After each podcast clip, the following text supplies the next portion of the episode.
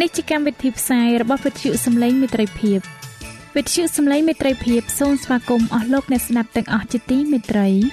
នាងខ្ញុំសេកសុចិន្តាវតីហើយខ្ញុំបាទអង្គច័ន្ទវិជ្ជៈក៏សូមស្វាគមន៍លោកអ្នកស្ដាប់ទាំងអស់ផងដែរនៅពេលនេះយើងខ្ញុំមានសេចក្តីសុំមនស្សរីករាយដោយបានវិលមកជួបអស់លោកអ្នកនាងកញ្ញាអ្នកស្ដាប់សាជាថ្មីម្ដងទៀត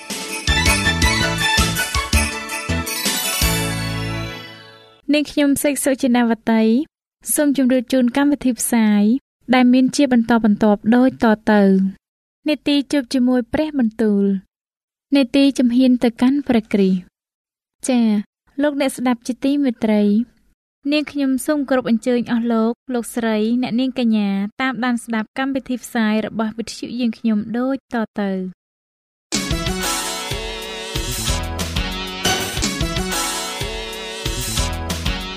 នេតិ ជួបជាមួយព្រះបន្ទូល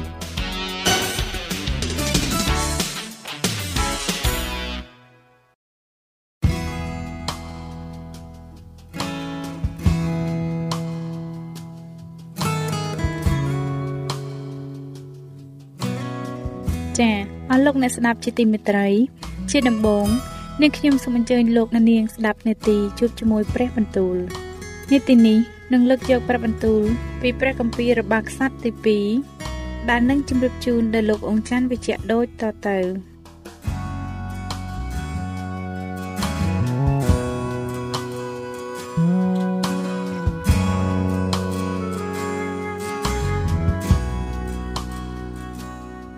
ព្រះគម្ពីររបស់ខ្សត្រទី2ចំពោះទី15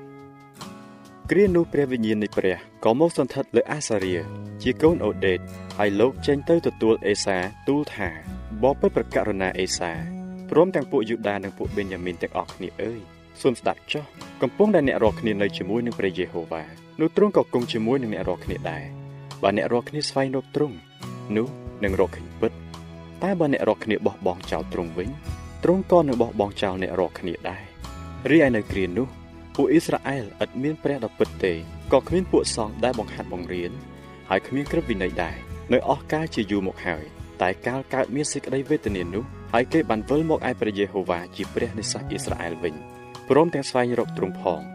នោះក៏រកទ្រង់ឃើញនៅអស់ទាំងគ្រានោះគ្មានសេចក្តីសុខដល់ណា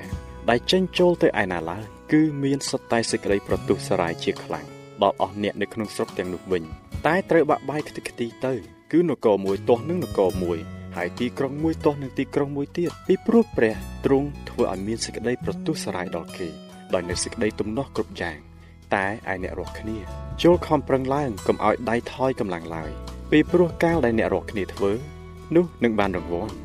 លុះកាលអេសាបានលើពាក្យទាំងនោះ គឺជាសេចក្តីទំនាយរបស់ហោរ៉ាអូដេតហើយនោះទ្រង់មានព្រះតីក្លាហានឡើងក៏បំបត្តិ អស់ទាំងរបស់គូសពខ្ពើពីក្នុងស្រុកយូដានិងស្រុកបេនយ៉ាមីនទាំងអស់ចេញហើយពីអស់ទាំងទីក្រុងដែលទ្រង់ចាប់យកបាននៅស្រុកភ្នំអេប្រាអឹមទ្រង់ក៏រៀបអាសនៈនៃព្រះយេហូវ៉ាដែលនៅមុខបាំងសាចព្រះវិហារនៃព្រះយេហូវ៉ាឡើងជាថ្មីវិញរួចទ្រង់ប្រមូលពួកយូដានិងពួកបេនយ៉ាមីនព្រមទាំងពួកអេប្រាអឹមម៉ាណាសេនិងស៊ីមៀនដែលនៅជាមួយទាំងប៉ុន្មានឲ្យមូលគ្នាត្បិតមានពួកអ៊ីស្រាអែលជាច្រើនបានបាក់ចូលមកខាងទ្រង់ដោយឃើញថា ព្រះយេហូវ៉ាជាព្រះនៃទ្រង់គង់នៅជាមួយនឹងទ្រង់ពិតដូច្នេះគេក៏មូលគ្នាមកឯក្រុងយេរូសាឡឹមនៅខែចេះឆ្នាំទី15ក្នុងរាជអេសាហើយនៅថ្ងៃនោះឯងគេថ្វាយយ៉ាញ់បូជាដល់ព្រះយេហូវ៉ាពីរបបដែលបាននាំយកមក គឺគោ700និងជាង7000គេក៏ព្រមព្រៀងគ្នានឹងតាំងសេចក្តីសញ្ញាឲ្យបានខំប្រឹងស្វែងរកតាមព្រះយេហូវ៉ាជាព្រះនៃពួកអាយកោគេអស់ពីចិត្តអស់ពីព្រលឹងហើយថា អ្នកណា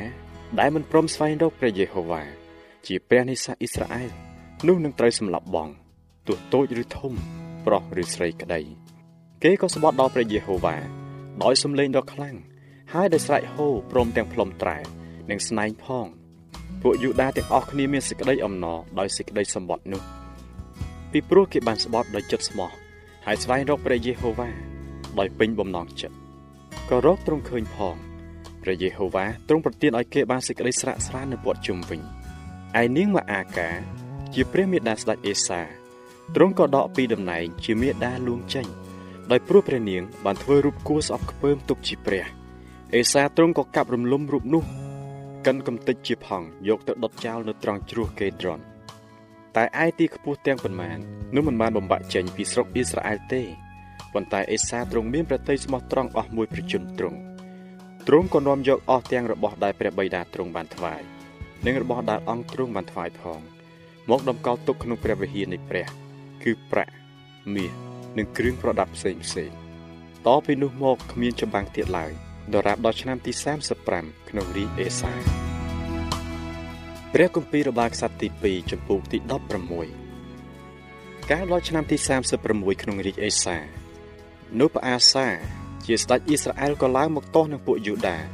ទ្រង់សង់ក្រុងរ៉ាម៉ាដើម្បីខាត់មិនឲ្យអ្នកណាចូលទៅឯអេសាជាស្ដេចយូដាឡើយដូច្នេះអេសាទ្រង់យកប្រាក់និងមាសចេញពីឃ្លាំងរបស់ព្រះវិហារនៃព្រះយេហូវ៉ា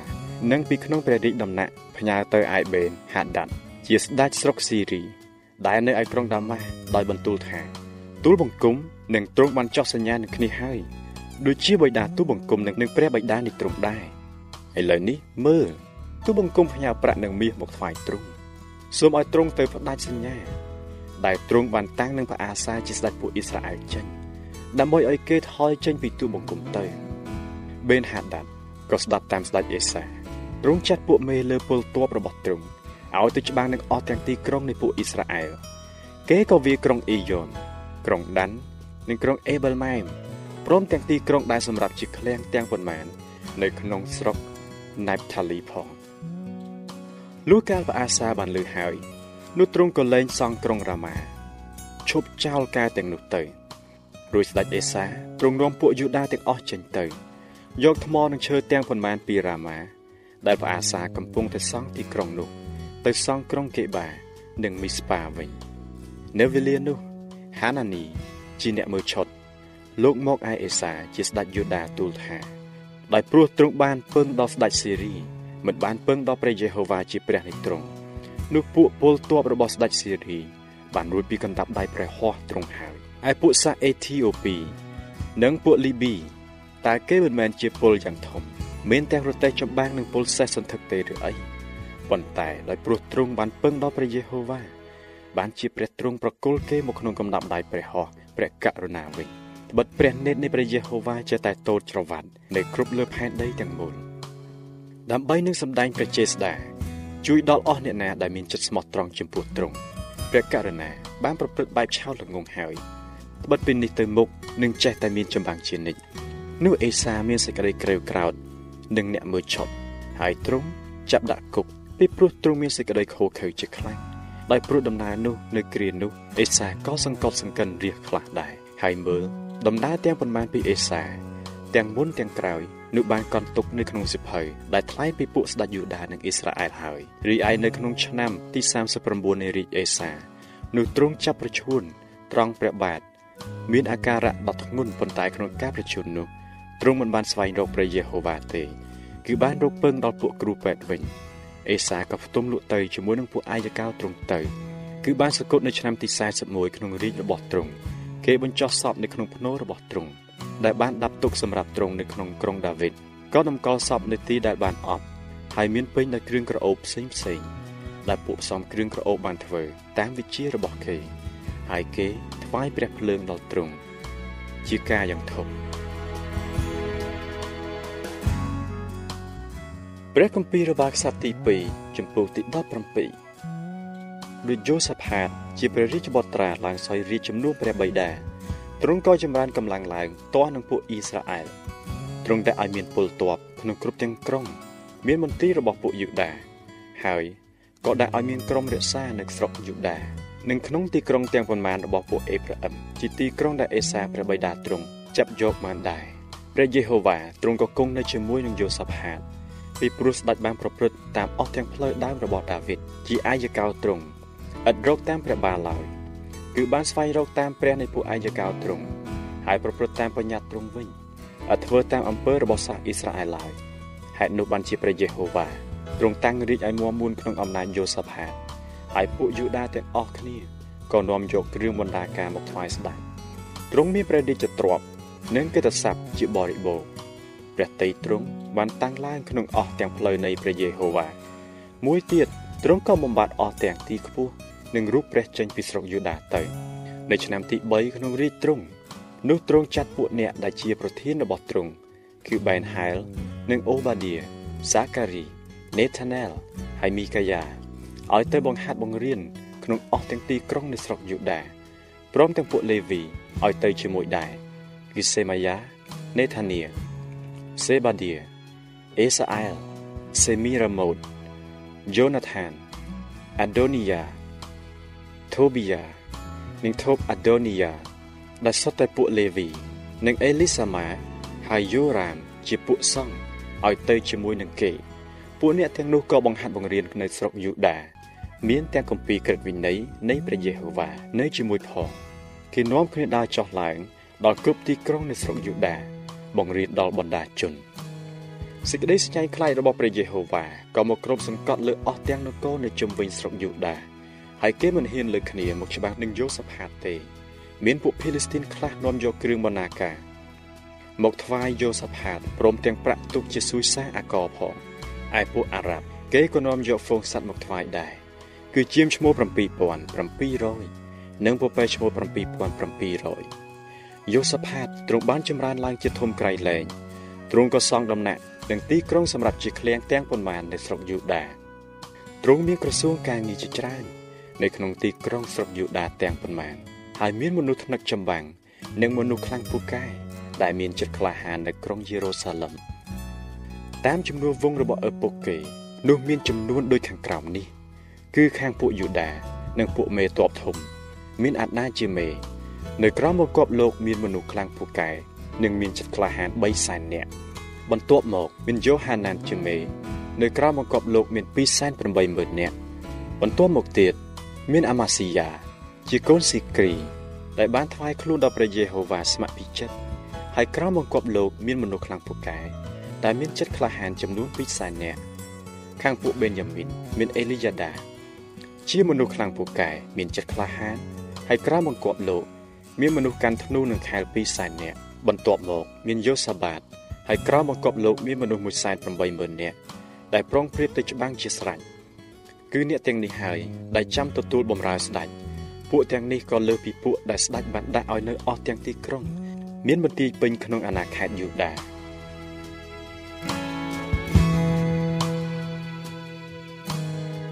ចា៎ប្រិយមិត្តអ្នកស្ដាប់ជាទីមេត្រី ដោយពេលវេលាមានកំណត់ យើងខ្ញុំសូមផ្អាកនេតិជប់ជាមួយព្រឹបបន្ទូលនេះត្រឹមតែប៉ុណ្ណេះសិនចុះដោយសន្យាថានឹងលើកយកនីតិនេះ មកជម្រាបជូនជាបន្តទៀតនៅថ្ងៃច័ន្ទសប្តាហ៍ក្រោយ សូមអរគុណ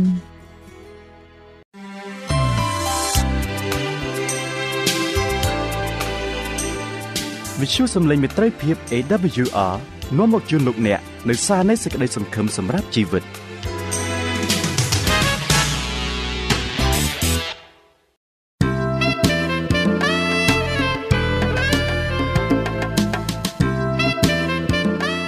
នីតិជំហានទៅកាន់ព្រះគ្រីស្ទ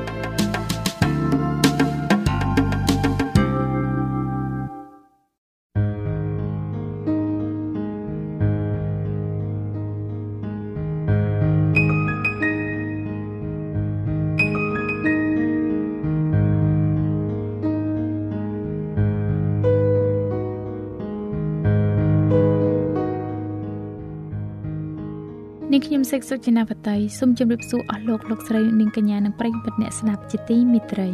តើលោកអ្នកមានសុខទុក្ខយ៉ាងណាដែរនៅពេលនេះសម្រាប់នាងខ្ញុំវិញនាងខ្ញុំមានសេចក្តីសមរម្យរំភើបព្រីករាយដែលមានកិត្តិយសវិលមកជួបលោកអ្នកសាជាថ្មីម្ដងទៀតនៅក្នុងកម្មវិធីជំហានទៅកាន់ព្រះគ្រីស្ទហើយនៅពេលនេះដែរនាងខ្ញុំសូមលើកយកវគ្គបញ្ចប់នៃប្រធានបទមុនដែលមានចំណងជើងថាសិទ្ធិនៃសេចក្តីអធិដ្ឋានមកជម្រាបជូនលោកអ្នកដូច្នេះ សូមអញ្ជើញលោកអ្នកចូលរួមសម្ដាប់ជាមួយនឹងនាងខ្ញុំដូចតទៅព្រះជាម្ចាស់មិនមានប្រាប់បន្ទូលឲ្យយើងនីមួយនីមួយខ្លាយទៅជាអិសីដ៏មានរិទ្ធឬជាសង្ឃដែលលាលែងពីលោកីដើម្បីថ្វាយខ្លួនទៅក្នុងការគោរពបូជានោះទេ ជីវិតរបស់យើងត្រូវតែបានដូចជាជីវិតនៃព្រះគ្រីស្ទទោះបីជានៅក្នុងព្រៃភ្នំក្រំថ្មឬនៅក្នុងវងមនុស្សយ៉ាងច្រើនកុះកយ៉ាងណាក៏ដោយមនុស្សណាដែលមិនធ្វើអ្វីសោះ ក្រៅពីការអធិដ្ឋាននោះនឹងឈប់អធិដ្ឋាននៅពេលដ៏ខ្លីឬការអធិដ្ឋានរបស់គេ នឹងបានคล้ายទៅជាទម្លាប់ នៅពេលដែលមនុស្សញែកខ្លួនគេចេញពីជីវិតនៃសង្គមមនុស្សចេញឆ្ងាយពីរង្វង់នៃភារកិច្ចរបស់អ្នកគ្រីស្ទៀននិងការទ្រាំទ្រលើឈើឆ្កាងនៅពេលដែលគេឈប់ធ្វើការយ៉ាងស្មោះត្រង់អស់អំពីចិត្តដើម្បីព្រះជាម្ចាស់ដែលធ្វើការយ៉ាងស្មោះអស់អំពីចិត្តដើម្បីរូបគេ នោះគេនឹងបាត់បង់នៅគោលដ៏សំខាន់នៃការអធិដ្ឋាន ហើយគេគ្មានទឹកចិត្តដើម្បីធ្វើការបូជាថ្វាយព្រះឡើយ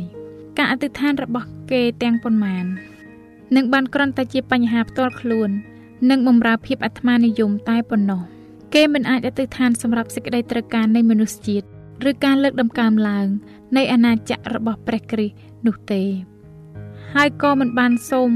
នៅកម្លាំងដែលសម្រាប់ធ្វើការផ្សេងៗនោះផងដែរ មនុស្សទទួលបរាជ័យនៅពេលដែលធ្វើប្រហែសនៅសិទ្ធសម្រាប់រួបរวมក្នុងចម្រើនកម្លាំងនិងលើកទឹកចិត្តគ្នាទៅវិញទៅមកនៅក្នុងការបម្រើព្រះជាម្ចាស់សច្ចភាពនៃព្រះបន្ទូលរបស់ទ្រង់ពិតជាបាត់បង់នៅសភាពរស់រវើកនិងសារធាតុសំខាន់នៅក្នុងអារម្មណ៍របស់មនុស្សប្រសិនបើនោះជាអ្នកបានន័យថាចិត្តរបស់អ្នកឈប់បានទទួលពន្លឺនិងមិនបានចុះតាមអធិពលដ៏បរិសុទ្ធហើយក៏ធ្លាក់ចុះ អន់ថយខាងផ្នែកព្រលឹងវិញ្ញាណនៅក្នុងនាមជាគ្រីស្ទៀនថែមទៀតផង អ្នកឯណាដែលបង្ខាំងខ្លួន សម្រាប់តែខ្លួនឯងគឺមិនបានបំពេញនៅមុខងារដែលព្រះជាម្ចាស់បានប្រគល់ឲ្យមកនោះទេ ការអប់រំត្រឹមត្រូវនៅក្នុងធម្មជាតិរបស់យើងនៃលក្ខណៈនៃការទំនាក់ទំនងក្នុងសង្គមនាំឲ្យមានចិត្តអាណិតអាសូរអ្នកដតីជាមធ្យោបាយនៃការរីកចម្រើនលូតលាស់និងជាធម៌ពលសម្រាប់យើង នៅក្នុងការងាររបស់ព្រះជាម្ចាស់អស់លោកអ្នកជាទីមេត្រី យើងអាចរៀនជារៀងរាល់ថ្ងៃថែមទៀតអំពីប្រពោបិតានៃស្ថានសួគ៌របស់យើង ដើម្បីទទួលនៅការពិសោធន៍ថ្មីថ្មីនៃប្រគុណរបស់ព្រះជាម្ចាស់ហើយយើងនឹងមានចំណងចង់ថ្លែងអំពីសេចក្តីស្រឡាញ់របស់ទ្រង់ទៅកាន់អ្នកដទៃនៅពេលដែលយើងធ្វើដូច្នោះចិត្តរបស់យើងនឹងបានកក់ក្ដៅនិងប្រកបដោយការលើកទឹកចិត្តយ៉ាងខ្លាំងប្រសិនបើយើងគិត និងនិយាយតែអំពីព្រះយេស៊ូវកាន់តែខ្លាំងឡើងខ្លាំងឡើងប៉ុន្តែនិយាយតែបន្តិចបន្តួចសម្រាប់ខ្លួនយើងនោះយើងក៏កាន់តែបានទទួលនៅវត្តមាននៃព្រះជាម្ចាស់កើនឡើងជាលំដាប់ប្រសិនបើយើងគិតអំពីព្រះឲ្យបានញឹកញាប់ដែលយើងបានទទួលនៅភ័ស្តុតាងនៃការថែរក្សារបស់ទ្រង់ចំពោះរូបយើងនោះយើងគួរតែនឹកដល់ទ្រង់នៅក្នុងចិត្តរបស់យើងជានិច្ច ហើយយើងគួរតែមានអំណររីករាយនិងថ្លែងអំពីទ្រង់និងសរសើរដំណើរដល់ទ្រង់ជានិច្ចដែរយើងនឹងនិយាយទៅកាន់មិត្តភ័ក្តិរបស់យើង ពីព្រោះយើងស្រឡាញ់គេប៉ុន្តែមានមូលហេតុដ៏ធំធេងអកណនីជាជាងនេះទៅទៀតគឺធ្វើឲ្យយើងស្រឡាញ់ព្រះជាម្ចាស់ជាជាងស្រឡាញ់មិត្តភ័ក្តិនៃលោកីរបស់យើង គឺជាសភាវៈនៃធម្មជាតិនៅក្នុងលោកនេះដែលព្រះជាម្ចាស់ ចិត្តទី1នៅក្នុងគំនិតរបស់យើង យើងនិយាយអំពីសេចក្តីសប្បុរសរបស់ទ្រង់ហើយថ្លែងប្រាប់គេ អំពីប្រជាស្ដាររបស់ទ្រង់អំណោយទានដ៏ច្រើនក្រៃលែងដែលព្រះជាម្ចាស់បានប្រគល់ឲ្យយើងមិនមែនសម្រាប់ឲ្យយើងយកមកបំពេញគំនិតនិងសេចក្តីស្រឡាញ់របស់ខ្លួនយើងផ្ទាល់ដែលនាំឲ្យយើងគ្មានអ្វីសម្រាប់ថ្វាយទៅទ្រង់វិញនោះទេ អំណោយទានទាំងនោះ គឺជាការរំលឹកដ៏ញឹកញាប់ដល់រូបយើងអំពីព្រះជាម្ចាស់ ហើយបានផ្សារភ្ជាប់យើងទៅនឹងចំណងនៃសេចក្តីស្រឡាញ់និងការដឹងគុណទៅដល់ព្រះដ៏សប្បុរសចូលយើងងាកបែរក្រសែចក្ខុរបស់យើងសម្លឹងទៅឯទ្វារបើកចំហនៃទីបរិសុទ្ធ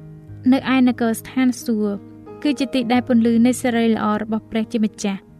ចាំងភ្លឺចិញ្ចាចចិញ្ចាចជះលើព្រះភ័ក្ត្រនៃព្រះគ្រីស្ទជាម្ចាស់ដែលនៅក្នុងព្រះគម្ពីរហេព្រើរចំពុក7ខ25បានសម្ដែងថា អាចជួយសង្គ្រោះយើងសពគ្រប់បាន គឺមនុស្សទាំងអស់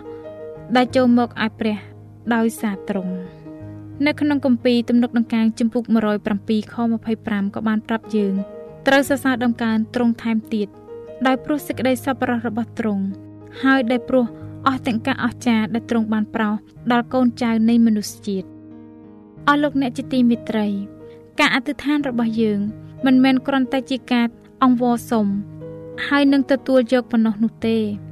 សូមឲ្យលោកអ្នកកុំគិតអំពីសេចក្តីប្រាថ្នារបស់ខ្លួន តែបែរជាមិនដែលគិតអំពីផលប្រយោជន៍ដែលទទួលបាននោះឡើយយើងមិនអធិដ្ឋានឲ្យច្រើនលើសលប់ពេកដោយមិនមាន ការថ្វាយសេចក្តីអំណរអរគុណដល់ព្រះជាម្ចាស់នោះទេ យើងជាអ្នកទទួលជានិច្ចនៅសេចក្តីសន្តោសប្រោសប្រណីរបស់ព្រះជាម្ចាស់តែពេលខ្លះយើងបែរជាបង្ហាញការដឹងគុណតែបន្តិចបន្តួចប៉ុណ្ណោះទៅវិញ អស់លោកអ្នកជាទីមេត្រី ពេលខ្លះយើងសរសើរដំកើងទ្រង់បន្តិចបន្តួចប៉ុណ្ណោះចំពោះអ្វីដែលទ្រង់បានធ្វើចំពោះរូបយើង ពីបុរាណកាលនៅពេលដែលគេមកជួបជុំគ្នាដើម្បីធ្វើការងាររបស់ទ្រង់ព្រះយេស៊ូវបានណែនាំកូនចៅអ៊ីស្រាអែលនៅក្នុងព្រះគម្ពីរចោទយកថាចំពុក12ខ7ថាត្រូវឲ្យឯងរាល់គ្នាបរិភោគនៅចំពោះព្រះយេហូវ៉ាជាព្រះនៃឯងហើយឯងនិងពួកគ្រួសារឯងត្រូវអស់សប្បាយឡើង ដោយព្រោះគ្រប់ទាំងរបស់ដែលដៃឯងលូកទៅចាប់យក ទាំងប៉ុន្មាននោះ គឺព្រះយេហូវ៉ាជាព្រះអ្នកឯងបានប្រទានដល់ឯងហើយអស់លោកអ្នកជាទីមេត្រី ការដែលធ្វើឡើងដើម្បីថ្វាយសិរីល្អដល់ព្រះជាម្ចាស់ត្រូវតែធ្វើឡើងដោយអំណររីករាយនិងដោយទំនុកសរសើរដំកើងព្រមទាំងអរព្រះគុណគឺមិនមែនដោយភាពក្រៀមក្រំនិងទុកព្រួយនោះឡើយព្រះជាម្ចាស់នៃយើង ជាព្រះវរបិតាដែលប្រកបដោយភាពស្រទន់និង សន្តោសប្រោសប្រណីយើងមិនត្រូវមើលកិច្ចការបម្រើទ្រង់គឺជាការងារដែលប្រកបដោយភាពក្រៀមក្រំ និងនឿយណាយនោះទេ យើងក៏បីមានអំណរសប្បាយរីករាយនិងថ្វាយបង្គំទ្រង់រួមចំណែកក្នុងការថ្វាយទ្រង់ផងដែរព្រះជាម្ចាស់ពិតជានឹងមិនឲ្យរាជរបស់ទ្រង់តែទ្រង់បានប្រទានសេចក្តីសង្គ្រោះដ៏ធំធេងនោះសម្ដែងហាក់ដូចជាទ្រង់ជាចវាយដ៏តឹងរឹងម៉ត់ចត់នោះទេ ទ្រង់គឺជាកល្យាណមិត្តរបស់យើង ហើយនៅពេលដែលយើងគោរពបូជាដល់ទ្រង់នោះទ្រង់ពិតជាគង់នៅជាមួយនឹងយើងព្រមទាំងប្រទានពរកំសាន្តចិត្តយើង បំពេញចិត្តយើង នៅអំណររីករាយនិងសេចក្តីស្រឡាញ់ដ៏បរិបូរណ៍ទ្រង់មានប្រហារតីចង់ឲ្យរាជរបស់ទ្រង់មានការសុខស្រួលនៅក្នុងកិច្ចការរបស់ទ្រង់ថែមទាំងនឹងទទួលអំណររីករាយជាជាងការនឿយលំបាក ក្នុងការងាររបស់ទ្រង់ក្នុងជីវិតប្រចាំថ្ងៃរបស់ពួកគេទ្រង់មានប្រហារតីចង់ឲ្យអ្នកណាដែលចូលមកគោរពបូជាដល់ទ្រង់និងពំនាំទៅជាមួយគេ នៅអារម្មណ៍ដ៏មានតម្លៃនិងការថែរក្សា និងក្តីស្រឡាញ់របស់ទ្រង់ដែលគេអាចមានអំណរសប្បាយនៅក្នុងគ្រប់កិច្ចការប្រកបអាជីវកម្មទាំងឡាយនៅក្នុងជីវិតប្រចាំថ្ងៃ និងដើម្បីអាចទទួលនៅព្រះគុណសម្រាប់ដោះស្រាយដោយស្មោះត្រង់ និងជឿជាក់ក្នុងគ្រប់កិច្ចការទាំងអស់ផងដែរដូច្នេះសូមឲ្យលោកអ្នកបានផ្ចង់គំនិតទៅឯឈើឆ្កាងរបស់ទ្រង់ត្បិតព្រះគ្រីស្ទជាម្ចាស់និងការសុគតរបស់ទ្រង់នៅលើឈើឆ្កាង គឺជាវត្ថុដ៏សំខាន់ក្នុងការសេចក្ដីគិតការសន្ទនា ក្នុងមនោសញ្ចេតនាដ៏រីករាយជាទីបំផុតរបស់យើង យើងត្រូវតែចងចាំនៅក្នុងអារម្មណ៍របស់យើងគ្រប់គ្នាព្រះពរទាំងឡាយដែលយើងបានទទួលអំពីព្រះជាម្ចាស់ ហើយនៅពេលដែលយើងយល់ច្បាស់នៅសេចក្តីស្រឡាញ់ដ៏ធំធេងរបស់ទ្រង់យើងគួរតែយល់ព្រមទុកចិត្តលើព្រះហស្ថទ្រង់ដែលបោះភ្ជាប់ទៅលើឈើឆ្កាង ដើម្បីរូបយើងរាល់គ្នា ការសរសើរដំកើងអាចនាំប្រលឹងយើងឈានឡើងទៅឯស្ថានសួគ៌ពពួកទេវតាគោរពបូជាដល់ព្រះជាម្ចាស់នៅឯស្ថានសួគ៌ដោយនៅចម្រៀងនិងតន្ត្រី ហើយនៅពេលដែលយើងសម្ដែងអំណរអរព្រះគុណរបស់យើង យើងក៏ថ្វាយបង្គំដល់ទ្រង់ដូចជាពពួកទេវតានៃនគរស្ថានសួគ៌នោះដែរនៅក្នុងគម្ពីរទំនុកដង្កើងចំពុក50ខ23បានសម្ដែងថា អ្នកណាដែលថ្វាយដង្វាយជាសេចក្តីអរព្រះគុណនោះក៏សរសើរដំកើងអញដែររីឯនៅក្នុងបទកម្ពីអេសាយចំពុក51ខ3ក៏បានសម្ដែងប្រាប់យើង ដែលប្រកបដោយអំណរកោតខ្លាច ចូលមកចំពោះព្រះភ័ក្ត្រដ៏បង្កើតលោកីដោយក្តី អំណរព្រះគុណ និងសម្លេងពីរោះរំដំផងអស់លោកអ្នកដែលកំពុងស្ដាប់វិទ្យុសម្លេងមេត្រីភាពជាទីមេត្រីដូច្នេះសូមឲ្យលោកអ្នកបានចូលមកឲ្យព្រះដោយសេចក្តីអធិដ្ឋានចុះត្បិតព្រះកំពុងតែរងចាំលោកអ្នកហើយមកឲ្យត្រង់ចុះនោះអ្នកនឹងបានទទួល បានការអត់ឱនទោសជាក់ជាមិនខានអាមែនចា៎ដោយពេលវេលាមានកំណត់ យើងខ្ញុំសូមផ្អាកនេតិជំហានទៅកាន់ព្រះគ្រីស្ទនេះ ត្រឹមតែប៉ុណ្ណេះសិនចុះដោយសន្យាថានឹងលើកយកនេតិនេះមកជម្រាបជូនជាបន្តទៀតនៅថ្ងៃស្អែកសូមអរគុណ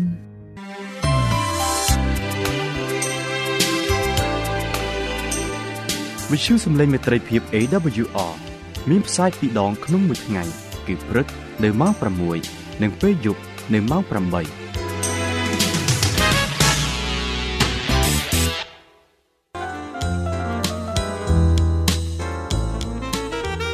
សេចក្តីសប្បុរសជាភាសាមួយដែលមនុស្សខ្វាក់អាចមើលឃើញមនុស្សថ្លង់អាចស្ដាប់ឮត្បិតការមិនបានធ្វើអំពើល្អក្នុងពេលដែលអ្នកមានឱកាសនោះរាប់ថាអ្នកបានធ្វើអំពើអាក្រក់ហើយព្រះបានមានបន្ទូលថាកុំឲ្យយើងណាយចិត្តនឹងធ្វើការល្អឡើយត្បិតបើមិនរសាយចិត្តទេនោះដល់កំណត់យើងនឹងច្រូតបានហើយការធ្វើអំពើសប្បុរសដ៏តូចណាមួយដល់អ្នកដទៃវាអាចមានការផ្លាស់ប្ដូរយ៉ាងធំនៅក្នុងជីវិតនរណាម្នាក់បាន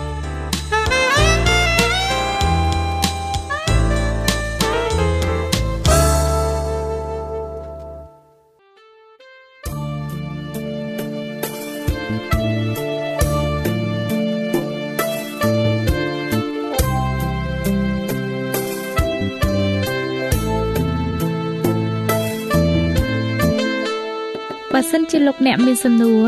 ឬសំណុំពរអ្វីសូមតាក់ទងមកការិយាល័យវិទ្យុយើងខ្ញុំ តាមអាស័យដ្ឋានផ្ទះលេខ15ផ្លូវលេខ568សង្កាត់បឹងកក់2ខណ្ឌទួលគោករាជធានីភ្នំពេញលោកអ្នកក៏អាចសរសេរសម្បត្តិផ្ញើមកយើងខ្ញុំ តាមរយៈប្រអប់សម្បត្តិលេខ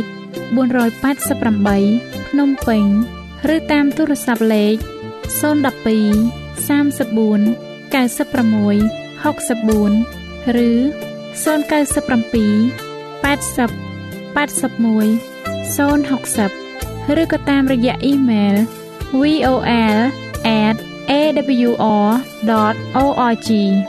យើងខ្ញុំរងចាំទទួលស្វាគមន៍អស់លោកអ្នកនាងដោយក្តីសោមនស្សរីករាយហើយលោកអ្នកក៏អាចស្ដាប់កម្មវិធីនេះឡើងវិញដោយចូលទៅកាន់ website របស់វិទ្យុយើងខ្ញុំ តាមរយៈអាស័យដ្ឋាន www.awr.org